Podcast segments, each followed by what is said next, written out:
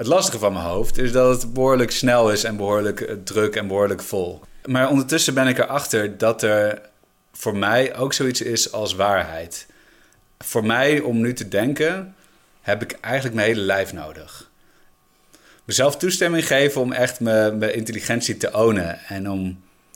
Ik heb zo vaak gedacht van: oké, ik denk dat het zo zou moeten, maar het is op een andere manier. Dus zal mijn gedachte wel niet kloppen. En daarmee heb ik heel vaak mezelf ontkrachtigd. Uh, terwijl ik denk achteraf van, oh ja, ik heb best wel vaak wel gelijk eigenlijk.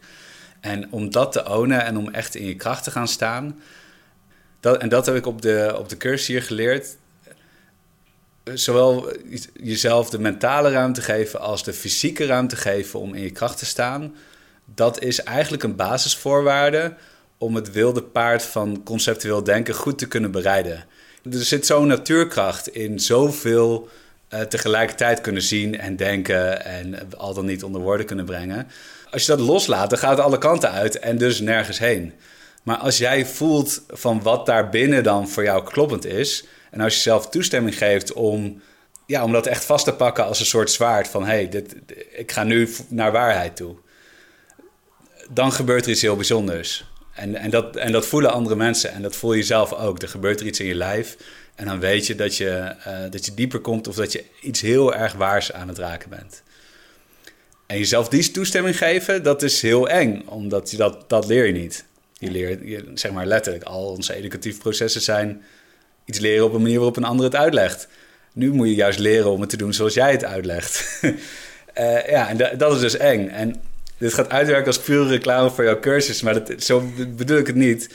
Tijdens de cursus mocht je gaan experimenteren met hoe is het als je in je kracht gaat staan.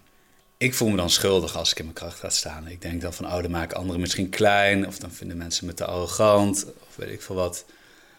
Maar het leuke was, omdat je dat in een groep doet, krijg je feedback, dat het niet irritant is. Dat, weet je wel, geven mensen je zelfs positieve complimenten. Maar belangrijk, je ziet hoe het is als andere mensen in hun kracht gaan staan. Ja. Dus iemand die eerst alleen maar op één been staat, een beetje wankel, een beetje te wiebelen, een beetje zichzelf te verexcuseren dat, dat, dat ze bestaat. En die staat even later vol op beide benen, stevig. Nou, dat is echt heerlijk. Iedereen is mooier als hij in zijn kracht staat. Iedereen is fijner om naar te luisteren als ze in hun kracht staan. En de, hele ruimte wordt er beter van als iemand in zijn kracht staat.